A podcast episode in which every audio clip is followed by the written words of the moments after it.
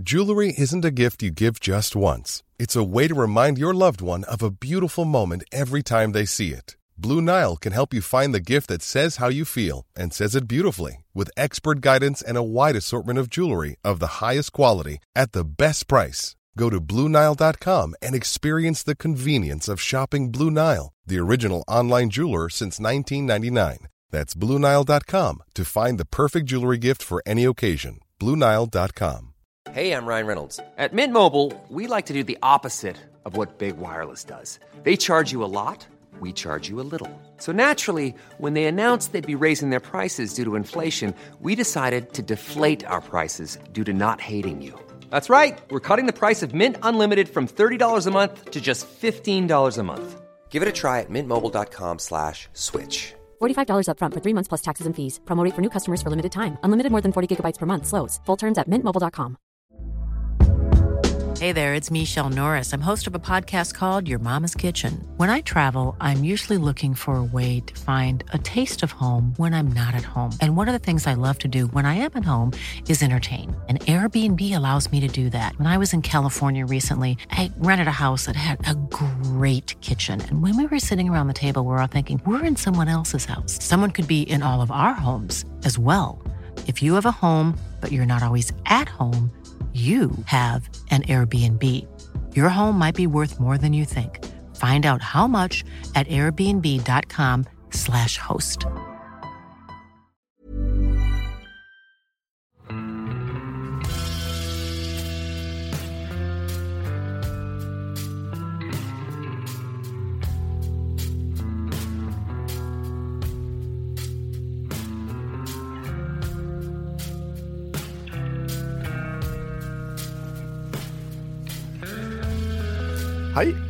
Velkommen til podkasten Uteliv.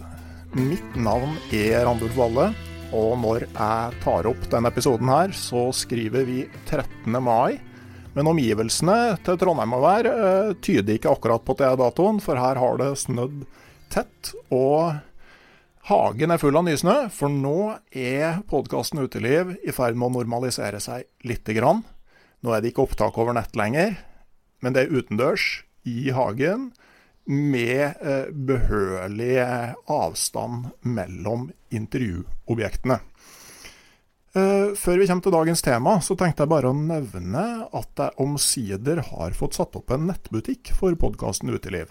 Så nå er det mulig å kjøpe T-skjorter og faktisk to forskjellige typer kaffekopper. Det tror jeg sier noe om eh, podkastverten. Og diverse tøymerker med podkastens logo, i tillegg til bøkene mine. Og alt det her passer jo veldig fint da hvis du skal signalisere til omgivelsene dine, nå som du skal tilbake på jobb, hva du egentlig har lyst til å snakke om i lunsjpausa. Du finner link til nettbutikken i episodebeskrivelsen. Jepp, dagens tema er langt mer sommerlig enn omgivelsene vi har her i dag. For i dag skal vi snakke om tursykling. For det er jo en høyaktuell aktivitet for sommerferien som vi alle skal tilbringe i Norge i år. Og dagens gjest har sykla mye og skrevet mye om sykkel, både i blad og i bøker. Velkommen til Lars Erik Sire. Tusen takk. Uh, Lars Erik, uh, folk som er interessert i sykkel uh, og tursykling, vet nok hvem du er. men en del andre er kanskje litt ukjent med navnet ditt. Altså, kan du fortelle litt om deg sjøl, litt fra et sånn sykkelperspektiv? Jeg begynte å sykle på lange turer i, i 2003. Jeg husker ikke helt hvor jeg fikk ideen og inspirasjonen, men jeg hadde jo vært på en del turer med, på fotturer, på skiturer og ligget i en del i telt. Så kan det ha vært at jeg leste noen reportasjer i ditt gamle magasin Friluftsliv, eller i noen andre magasiner der, der det sto, sto, om folk som sykla på tur. Så ble jeg nysgjerrig på det, og hadde lyst til å prøve det. Så fikk jeg med noen uh, kamerater til, uh, til, Island sommeren 2003. Så vi var der i mange uker og, og sykla rundt hele øya. Og det ga utrolig mersmak. Sånn at uh, etter det så blei på en måte å sykle langt på tur, det blei lidenskapen min og personen min. Ja, hva, er det, hva, er det, som er så bra med å, å liksom sykle langt på tur? Jeg tror det har mye til felles med å være lenge på tur uh, uansett hva du gjør. Uh, det er det å komme inn i en ny type hverdag. Uh, legge det vanlige livet ditt litt til sida. Være ute i, i natur. ja, rett og slett nyte livet litt mer, da. jeg tror det må være noe med det. Ja, det, ting går litt saktere? Absolutt det du, eneste du skal gjøre, er på en måte å våkne om morgenen og pakke campen og sykle noen timer og slå den opp igjen. Og det blir et veldig sånn enkelt, uh, enkelt og bekymringsløst liv uh, i stor grad. Uh, Jepp. Uh, det vi skal gjennom i dag, er jo litt sånn her hva du måtte trenge å vite for å komme i gang med tursykling. Vi har med podkasthunden Kangia her i, i dag òg. Men det de første lurer på, er liksom hva slags sykkel trenger man for å altså, sykle på tur? For her snakker vi om turer med overnattinger underveis, og hvor man kanskje er borte i flere dager, eller til og med flere uker. Hva slags sykkel er det man trenger da? Jeg vil uh, egentlig våge påstanden at uh, de fleste sykler uh, kan duge til en sånn tur. I Norge så har jo, har jo folk i stor grad enten en terrengsykkel eller en hybridsykkel. Og i utgangspunktet så duger de fleste av dem. Uh, til og med elsykkel har jeg sett at det er en del som har, uh, har begynt å bruke på tur. Så i utgangspunktet vil jeg si at eh, de aller fleste sykler duger. Men sånn, altså, hva er det som er viktig? Kan du si noe om altså, Kan du dra i vei med racersykkelen din nå, f.eks.? Du kan det. Eh, nå er det mange måter å reise med, med sykkel på. Noen, eh, sånn som meg, vi eh, pakker opp eh, syklene våre med fire eller seks eh, vesker eh, og har med kanskje så mye som nærmere 30 kg utstyr på sykkelen, mens noen har en styreveske og et klesskift og visakort i baklomma og tar inn på hotell. Sånn at det avhenger litt av, eh, av, hva slags type tur man er på, og hvordan man reiser. Eh, men skal man ha bagasje på sykkelen, så må du ha en sykkel som ikke er av de aller letteste, og som tåler, tåler å ha på, ha på, litt vekt. Så man må ha en som er litt stivere type. Så det tror jeg Det er vel en sånn grei regel. Ja. Men i hvert fall hvis du har en sånn eh, terrengsykkel eller sånn eh, terreng-slash-bysykkel stående, så, så, trenger du ikke å handle ny sykkel før du eh, prøver deg på sykkeltur. Nei, Det er i hvert fall min oppfatning at uh, hvis du har lyst til å prøve om uh, tursykling er noe for deg, så sannsynligvis så kan du bruke den du allerede har i garasjen. Mm, og det er vel kanskje sånn med det her som med andre aktiviteter, at det gjerne er greit å begynne Altså du begynner ikke med en femukerstur med en gang. Det kan være greit å starte med en litt sånn kortere tur, sånn at du da faktisk finner ut om utstyret du har virker ordentlig, før du starter på det store eventyret. Det er jo en uh, god metode, det vil jeg tro. Mm.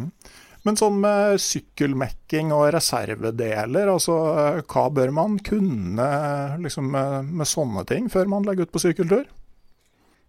Jeg har jo lest om uh, ei britisk dame som uh, har sykla jorda rundt, og som uh, sjøl mente at hun ikke engang kunne å lappe en punktering eller skifte en slange. Så um, uh, hvis du skal følge hennes eksempel, så trenger du rett og slett ikke å kunne noen ting, for du kan få folk til å hjelpe deg underveis, sånn som hun gjorde.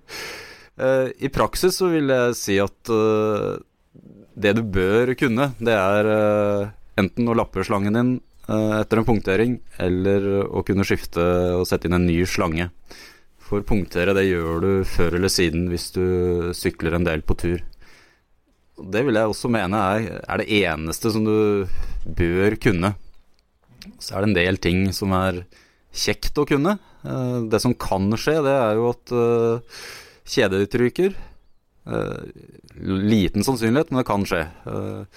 Bremseklosser kan uh, bli utslitt. Uh, så er det jo litt det her med det daglige vedlikeholdet. Altså se over kjedet ditt og smøre det. Og kanskje smøre vaiere en gang iblant. Uh, kanskje en vask. Så det er ikke, det er mye, det er ikke mye, du må kunne. Nei. Jeg sykler jo ikke noe særlig på tur, men jeg har sykla mye tur-retur barnehagen. og Akkurat det med bremseklosser er jo faktisk litt greit å være obs på. For når du bruker sykkelen jevnlig sjøl, så merker du ikke den der gradvis endringa eh, og ting som blir dårligere og dårligere. Så jeg fant ut at eh, prøv iblant om du klarer å holde sykkelen på bare enten frambrems eller bakbrems. Og klarer du ikke det, så burde du ha skifta klosser for lenge sida. Ja, og i Norge så er det jo mye bakker, i hvert fall hvis du beveger deg eh, mye opp og ned av eh, fjell og høyder, så, og har en tung sykkel, så sliter du bremsene en del mer da, enn en det du vanligvis gjør når du bremser. Jepp. Men du snakka på at uh, du har med deg bagasje i sykkelvesker. For uh, liksom det å ta ryggsekken på ryggen, jeg har forstått at det er ikke liksom, måten å gjøre det på når man skal ut på sykkeltur? Hvis du har med deg mye utstyr og har tenkt å sykle på en lang tur, så er det veldig ubehagelig å sykle med en stor ryggsekk på ryggen. Ja, hvorfor det? Det er tungt, det er nå én ting, og du får høyt tyngdepunkt som gjør at du får litt uh, dårlig balanse. Uh, og så finnes det jo veldig mye bedre alternativer. Mm. Vondt i rumpa òg, ser jeg for meg, når du får liksom 20 ekstra kilo som trykker deg ned i eh, setet. Det ser jeg også for meg, absolutt. Ja, ja hva er alternativene? Det er sånn to uh, hovedsystemer, om man kan kalle det det. Og det ene er uh, sykkelvesker, og det andre er uh, å ha det i en henger bak sykkelen. Hva bruker du? Jeg har prøvd begge deler, og har vel uh, landa på at jeg tror jeg liker veskene best. Ja, hva er liksom fordelene og ulempene her? Nei, Når du skal ha vesker, så må du ha bagasjebærer, og det kan du ha både på bakhjulet og på framhjulet. Eh, da kan man få med seg to vesker foran og fire vesker bak. Nei, to vesker foran, to vesker bak. Og så er det også vanlig å ha teltet, f.eks. Kan ligge oppå, på bak, eh, oppå veskene på bak. Eh, og så har jeg også en liten styreveske. Fordelene med vesker det er jo at uh, de er litt lettere å ta med seg enn uh, en henger. Uh, de uh, gjør at Eller det er noe med draget i en henger som trekker deg litt tilbake, føler jeg det i hvert fall. Så er det ganske høy egenvekt på hengeren, som gjør at det blir mer å dra på. så det er sånn, men det er litt sånn smak og behag, altså. Det, det er det. Mm. Har du på en måte, altså Er det liksom noe sånn eh, vektgrense for når eh, ting eh, begynner å bli vanskelig og ubehagelig? Altså de, de fleste, eller Mange kjenner jo til det liksom når du går fottur, at du har, har ei grense når ting begynner å bli veldig tregt. og så Opplever du noe tilsvarende på sykkel? Ja, altså du, du, kjenner jo veldig godt uh, den vekta du har på sykkelen. Enten du har det i vesker eller om du har det i henger. Uh, det er stor forskjell på å ha eh, oppunder 30 kg og kanskje halvparten. Så, men om det er en grense, det veit jeg ikke helt. Det er kanskje litt opp til den enkelte og hvor god form man er. Og så har det også mye å si hvor mye opp og ned en sykler. Hvis en stort sett sykler i områder der det er flatt, så merker en også mindre til, til vekta. Og så er det noe med at det er ikke like tungt å ha har mye bagasje fordelt på en sykkel som det er å bære det på skuldra i en ryggsekk. Jeg tillater meg litt mer, litt mer, utstyr og litt høyere vekt når jeg er på en lang sykkeltur enn, enn når jeg er på, på, tur med sekk. Ja, det er litt sånn interessant, altså for at Eh, så på en sånn, eh, noe som hadde utvikla en sånn formel for energibruken eh, når du bar ryggsekk. og der er det jo En av komponentene i den formelen er jo ikke avhengig av hastighet. altså sånn Sjøl når du står dønn i ro med en ryggsekk på, så bruker du energi. tilsvarende som øker med vekta på ryggsekken. Men når det er på en sykkel som står i ro, så slipper du å bruke energi på, på så lenge du ikke beveger deg. Og så lenge det er flatt, så er jo, som du sier, energiforbruket en et helt annet. Da. Men jeg tenker også på sykkel, så må du jo nå ha mulighet til å dra nytte av det lettvektsutstyret som har kommet. Absolutt. Det, det er, jo, er, jo, litt sånn som det er med andre typer turer. Jo, jo lettere og mindre utstyr du har med deg, jo lettere blir det å forsere motbakkene. ja, jo mer energi har du igjen når dagen er slutt. Absolutt. Mm. Ja, for jeg ser Du skriver jo det at det er en tur med én overnatting har forbausende mye til felles med en eh, langtur. Altså sånn når det gjelder utstyrsbehov. Ja, det har jo det. Eh, det tror jeg at jeg skrev i forbindelse med en eh, Om man ville finne ut om, om tursykling er noe for deg, så, så tenker du kanskje at du har lyst til å sykle Norge på langs, men er litt usikker. og da, da, går det an å dra på en tur i, og starte fra din egen dør og sykle noen få mil med det utstyret du uh, tenker du trenger for uh, en natt ute. Med telt og sovepose, og så finne et sted å overnatte og sykle hjem dagen etterpå. Da har du faktisk i stor grad med deg det samme som du vil ha på, på en tur over flere uker. Da. Mm. Er det noe på en måte som blir litt sånn annerledes når du er på sykkeltur enn fottur, enten med utstyrsbehov eller sånn tankegang? Altså Først som slo meg, var kanskje det med vann. At uh, det er noe som du må tenke litt mer på når du sykler enn når du går fottur i fjellet. Ja, det, det må man kanskje. Uh, det jeg syns er den, den største forskjellen, det er jo egentlig at du har jo ofte mye større tilgang på å kjøpe mat. Fordi du beveger deg langt med sykkel på en dag, som gjør at i de fleste deler av Norge så, så sykler du forbi en butikk eh, hver dag. Som gjør at eh, du trenger ikke å handle mat for eh, dagevis, eller for ikke å si ukevis uh, om gangen. Sånn at uh, det er jo én ting som jeg syns er en del enklere på tur. Det med vann, ja. Det er jo sikkert mange meninger om det er greit å ta vann fra, fra elver og innsjøer. Så jeg tror det gjelder mye det samme. Eller så Det jeg ofte gjør, da, det er jo at jeg fyller noe opp da, på en bensinstasjon eller en butikk. Når jeg er innom, så har jeg noe, et par-tre flasker da, som jeg Det holder nå stort sett uh, gjennom dagen, det, da. Og så uh, når det nærmer seg kvelden uh, og jeg skal finne et sted å, å, ligge over, så passer jeg på å fylle opp flaskene. Og så har jeg en uh, flaske eller to ekstra i veskene som vanligvis er tomme, og som jeg da fyller opp. Og da er jeg ikke avhengig av å finne en, en camp, uh, et sted å campe som, der det er tilgang på vann. Da, da har jeg det. Mm. Yep.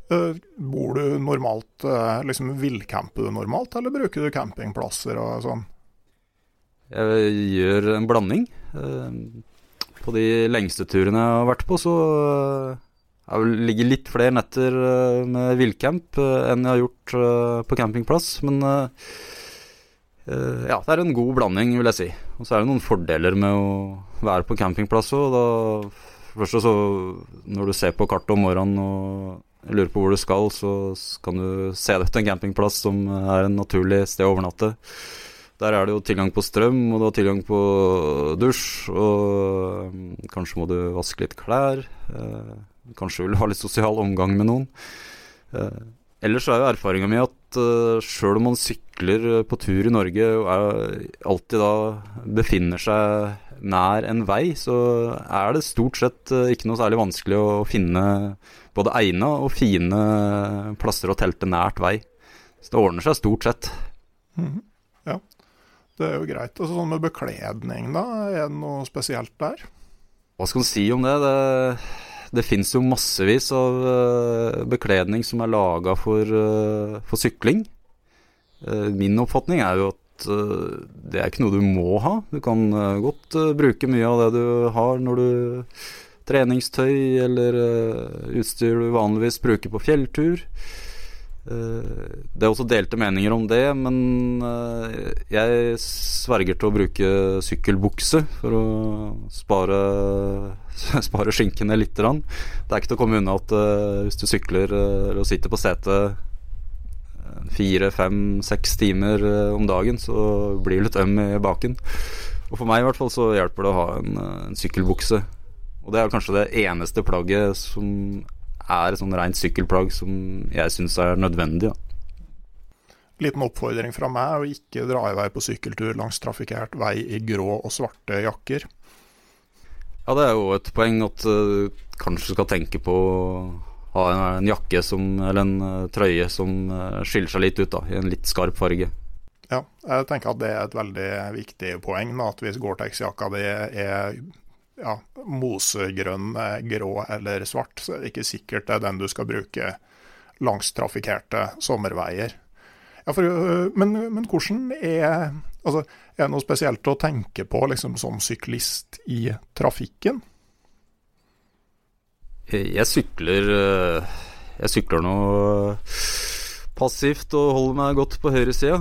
Eh, og så tror jeg kanskje det, det, viktigste tiltaket jeg gjør for å ikke ha noe særlig problem med trafikk, det er at eh, jeg prøver å finne de veiene der det er veldig lite trafikk. Og etter å ha sykla på tur i Norge i mange år, så har jeg jo lært meg at eh, de små, små sideveiene uh, et stykke fra de større stedene, der er det veldig sjelden noe særlig trafikk å snakke om. Jo, og der er det jo ofte også finest å, å sykle. Så det er jo kanskje det, det aller beste og enkleste tiltaket. Ja, ja for når du, når du da skal finne ut hvor du skal eh, dra på sykkeltur, altså er det kartet du begynner med for å finne sånne plasser som det der? Nå har jeg jo lest mye om sykkel eh, og sykkelturer i mange år, så, så lager man seg vel opp en sånn base oppi hodet om hvor det kan være fint, og de stedene du ikke allerede har vært.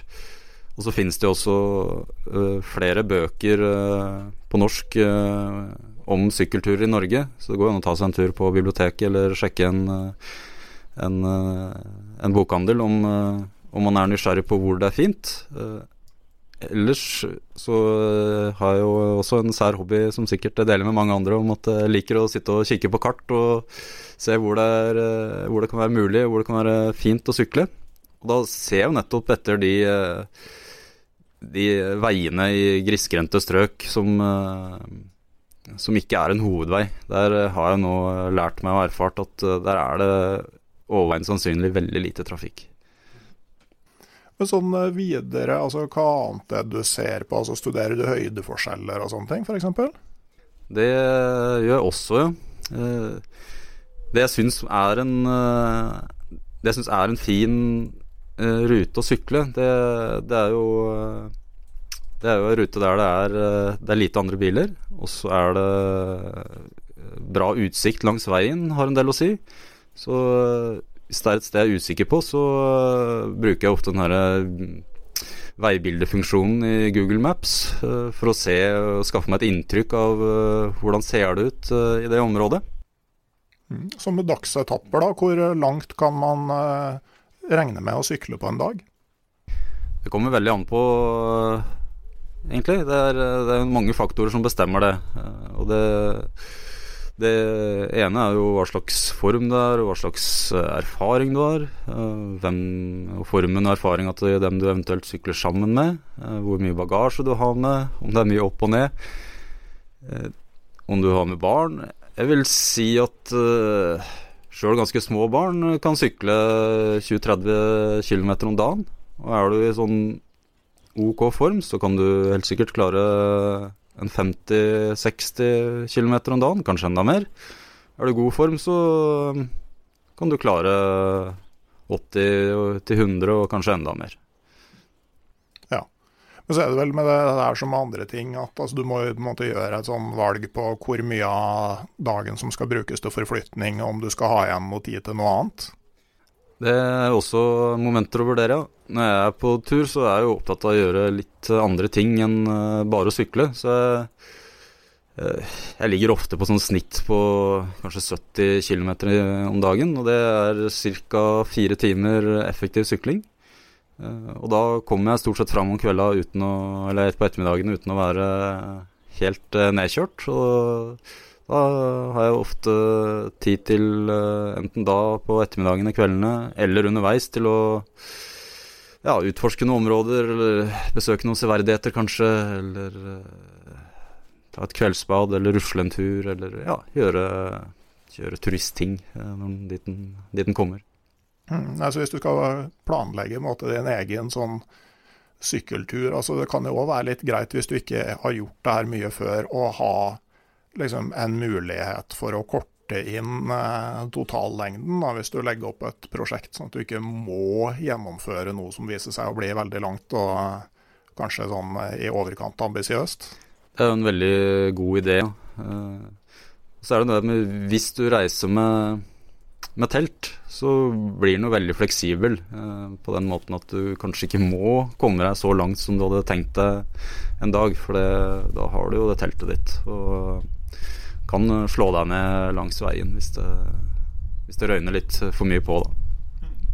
Hvor mye må man trene før man eh, drar ut på en uh, sånn ukes sykkeltur med 50 km dagsetapper? Jeg tror det kommer litt an på de faktorene jeg nevnte i stad. Eh, er du i normalt god form, så ville jeg tenkt at da trenger du ikke å trene noen ting. Uh, har du ikke sykla noe særlig de siste månedene og heller ikke er så veldig god form, så er sikkert lurt å ta noen treningsturer. Så skal du ut og sykle eh, en tur der du sitter på setet mange dager på rad, eh, så er det uansett et godt tips å sykle noen turer på forhånd. For det, da tilvenner du rumpa di til å sitte på setet. Sånn at eh, da unngår du å få veldig vondt den første, eller første par dagene. Så det, det, er et bra tips. Mm. Sånn med knær og sånn, så har jeg forstått at det er lurt å sykle på lavt gir? Ja, jeg gjør i hvert fall det. Sykler heller med lavt gir og har eh, litt høy frekvens på tråkket istedenfor å mm, bruke sånne seige, tunge drag. Jeg gjør i hvert fall det. Eh, jeg har eh, vel ikke opplevd noen mye problemer med knær på turene mine, men jeg tror jeg har lest at det skal være bra, ja. ja. Er det liksom en forutsetning å bruke sykkelsko sånn at du sitter fast på pedalene? Det tror jeg er litt sånn smak og behag. Eh, noen gjør det, og noen gjør det ikke. Jeg har prøvd eh, begge deler og kommet til at jeg klarer meg like greit eh, uten sykkelsko.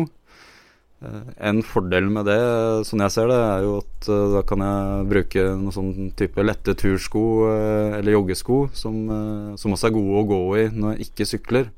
Og siden jeg liker å gå en del når jeg er på sykkeltur, så da bruker jeg de samme skoene og slipper å ha med to par, fordi joggeskoa ville nok hatt med meg uansett. Men eh, hvis du da, eh, hvis du da kommer dit at man har tenkt seg på sykkeltur i, i sommer, da, så har du noen noe gode tips til noen norske områder som man kan dra til? Det har jeg, vet du. Den eh, store favoritten min, som jeg, jeg vil, som jeg, anbefaler alle hvis de vil på tur for første gang, det er Helgelandskysten. Eh, og området jeg liker aller best, det er eh, området mellom eh, Brønnøysund og Sandnessjøen. Der er det lavt trafikkerte veier. Det er, de er bortimot helt flate. Sjøl om, selv om landskapet innafor det er veldig dramatisk med, med høye fjell, og, så det er innmari fint der. Det er ganske tett mellom butikker og kafeer og mulige overnattingsplasser. Det er ganske bra utvalg av eh, steder å villcampe. Men Nordland og, og Helgelandskysten, altså er ditt første tips. Eh, har du et til? Det har jeg. Jeg har flere. Um, hvis du skal finne noe i nærheten eh, på, Eller på Østlandet, da, der det i nærheten der det bor mye folk, så liker jeg veldig godt uh, et fjellområde eller en veistrekning som kalles Per Gynt-veien. Eh, der har vi jo et sånt et liten fjell, fjellandsby som heter Skeikampen, der det er et skisted om vinteren i hvert fall. Og fra Skeikampen og over Gålå og videre mot Vinstra eller mot Espedalen, den andre veien, så går det en veldig fin fjellvei over fjellet. Da kan man enten sykle ned til Vinstra og avslutte der, eller så kan man eh, fortsette på det som heter eh, Jotunheimveien, som går opp til Bygdin og Valdresflya. Eh, da får du mange mil med sammenhengende fine grusveier, veldig lite trafikk. Må, det er en tur der du må basere deg på Du må ikke, men du, antagelig så vil du basere deg på telt da, og sove ute.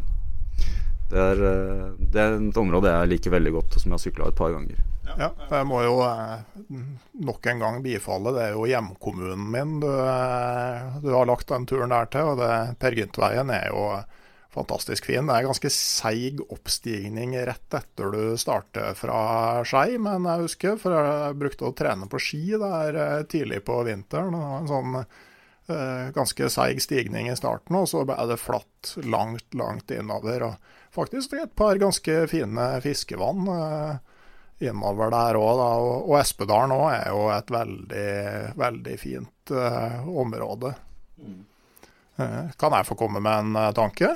Absolutt. Ja, for jeg, for jeg har tenkt at Pasvik i Finnmark må være et veldig fint sykkelområde.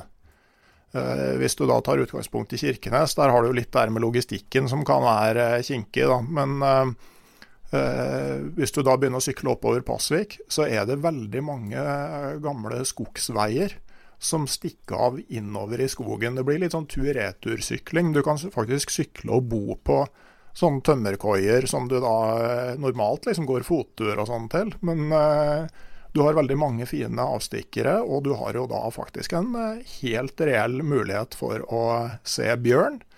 En jeg kjenner som har eh, brukt mye tid i Pasvik, holdt på å sykle på en bjørn sammen med guttungen sin. Det var kun noen meter om å gjøre. Og der òg er det jo flatt, eh, sånn rimelig. Eh, dårlig asfaltvei oppover sjølve Pasvikdalen, men altså grusveier som stikker av i alle retninger videre.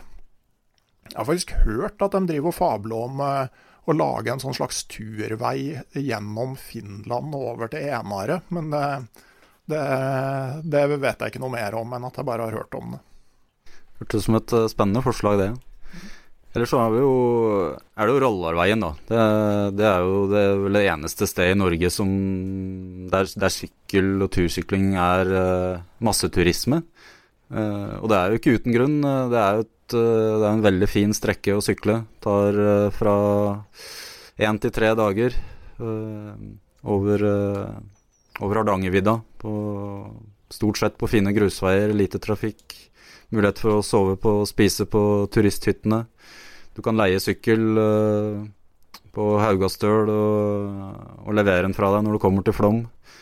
Uh, så det òg er jo en veldig fin tur, og en bra tur å begynne med for å prøve ut om man syns dette er noe ålreit. Mm. Her snakker vi vel om ganske mye netto nedoverbakke òg, gjør vi ikke det? Jo, du starter jo høyt til fjells, og så stiger det vel slakt en god stund, og så er vel i siste mila er det er veldig lett. da. Ja, så det er jo en klassiker. Jeg hører gjerne et par til, da, altså. Ja. Eh, i, i, 2016 så sykla jeg en, eh, en, lang tur eh, på over 500 mil rundt hele Norge. Og da lagde jeg meg en sånn liste etterpå hvilke områder som jeg, likte best. Og det, det, stedet der som havna helt på topp for, for min egen del, det var Senja. Der og, da kom jeg jo inn med båt over fra Andøya til Grullefjord, var det det det tror jeg. Og eh, da Der òg er det lite trafikk, og så er det en, nesten enda mer dramatisk landskap enn det det er i Lofoten. Eller omtrent på samme nivå. Eh, og det var noen sånne små bygder og eh, Rett og slett var helt nydelig å sykle, og noen sånne fine rasteplasser på disse nasjonale turistveiene.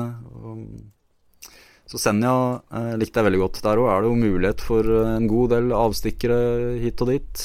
Og eh, lett å kombinere med fjellturer hvis en eh, liker det.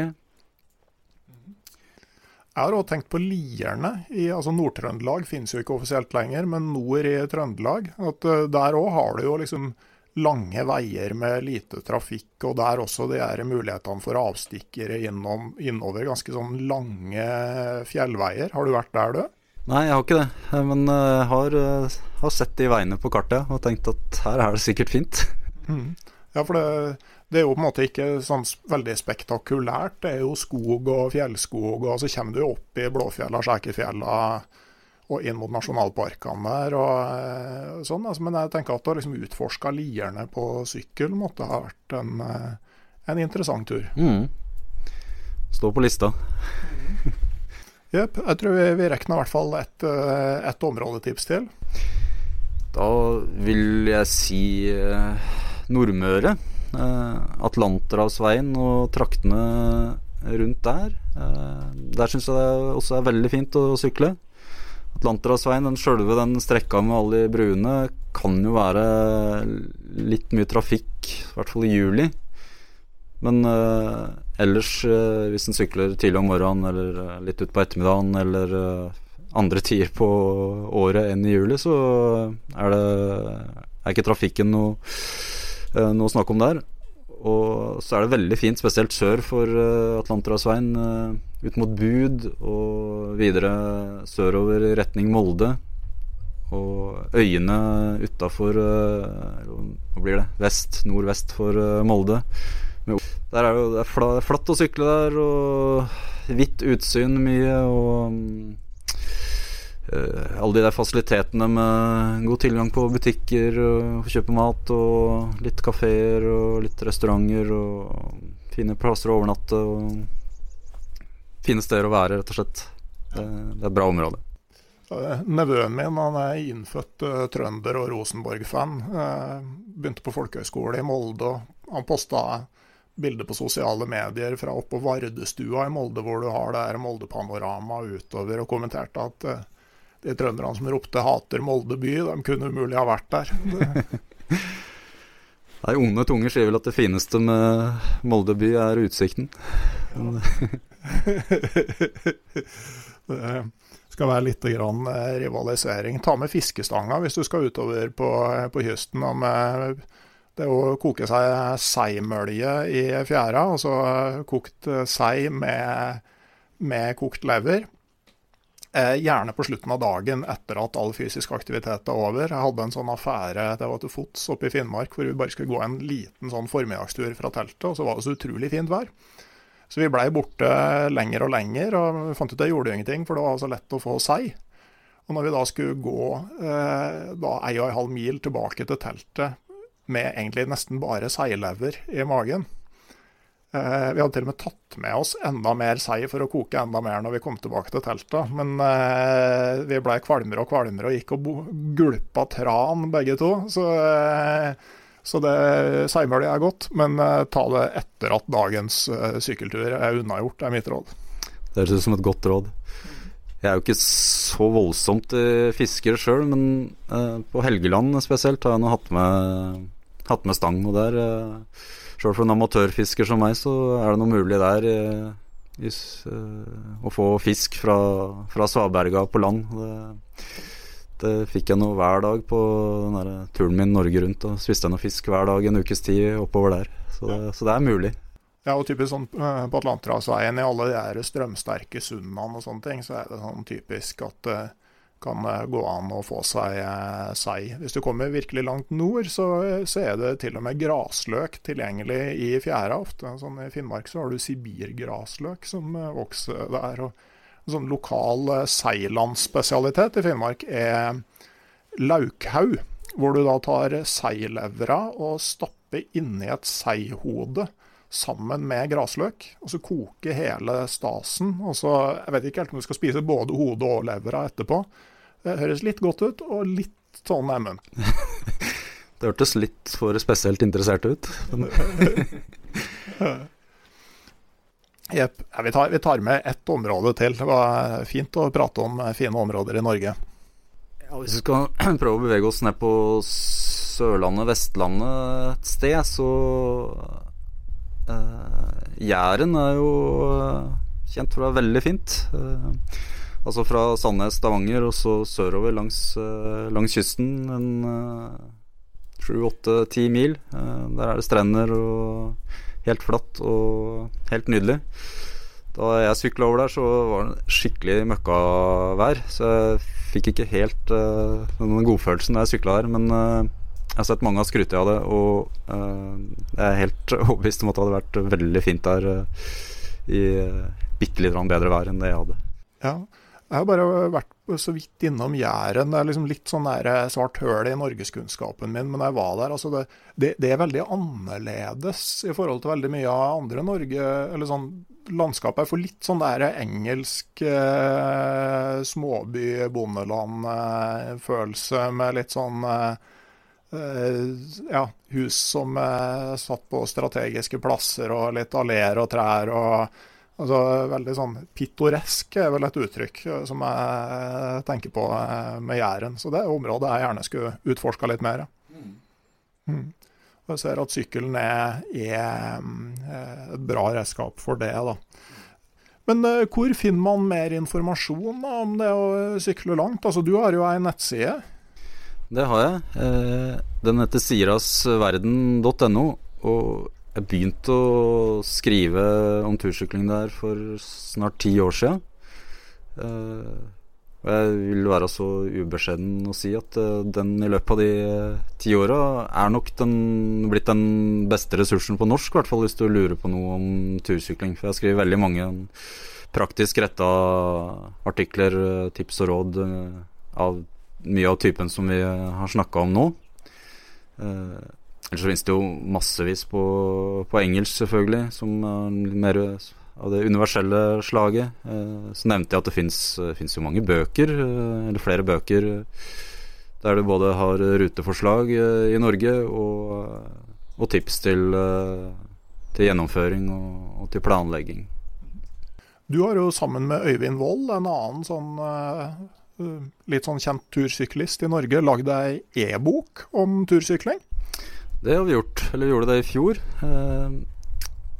Da prøvde vi å Eller prøvde, vi gjorde det. Vi samla de erfaringene vi hadde fra noen uh, tiår uh, med tursykling. Og uh, prøvde å komme opp med alle de temaene og spørsmåla som vi tror folk lurer på, og samla dem i, i ei e-bok som vi kalte 'Langtur på sykkel i Norge' en guide til uh, gjennomføring og planlegging. Og den selger, på, den selger vi på nettsida mi. Og det er en sånn, en slags destillat av alt du måtte lure på av praktiske ting uh, for å komme deg av gårde på din egen tur.